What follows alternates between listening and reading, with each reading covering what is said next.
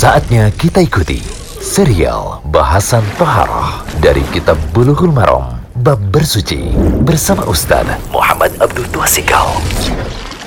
Alhamdulillah, salatu wassalamu ala rasulillah wa ala alihi wa sahbihi wasallam.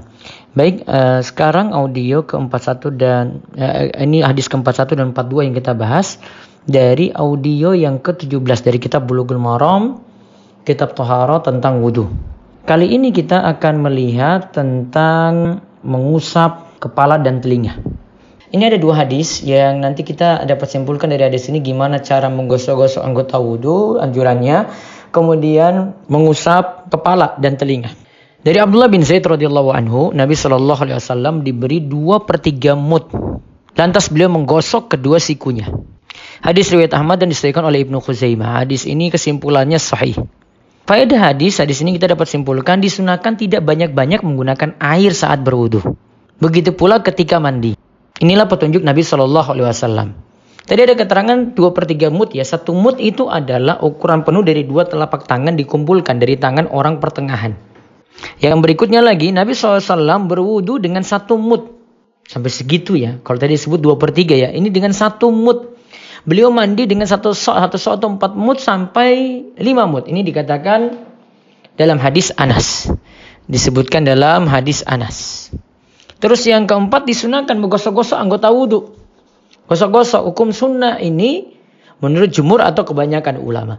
Lalu sekarang tentang mengambil air untuk kepala dan telinga. Kita lihat hadis ke-42 dari Abdullah bin Zaid radhiyallahu anhu ia melihat Nabi Shallallahu alaihi wasallam mengambil untuk kedua telinga dengan air yang dipakai berbeda dengan yang dipakai untuk kepala. Mengambil untuk kedua telinga dengan air yang dipakai berbeda untuk kepala mengambil untuk kedua telinga dengan air yang dipakai berbeda untuk kepala.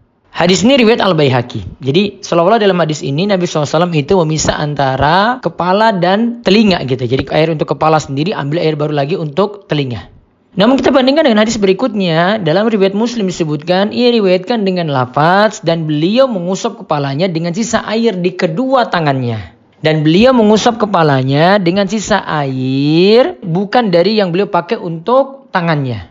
Di sini ada kalimat bukannya dan beliau mengusap kepalanya bukan dengan sisa air yang ada di kedua tangannya. Karena kan tadi sebelumnya membasuh tangan.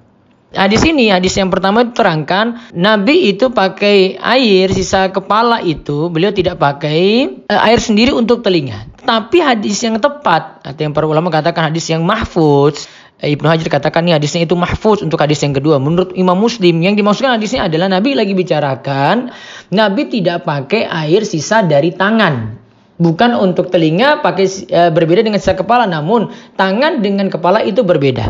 Nah, kita simpulkan di sini. Pertama, mengusap telinga yang tepat adalah dengan air yang tersisa dari mengusap kepala, tidak mengambil air baru. Sebagaimana riwayat-riwayat banyak menyebutkan seperti ini. Jadi, kepala dan telinga itu jadi satu.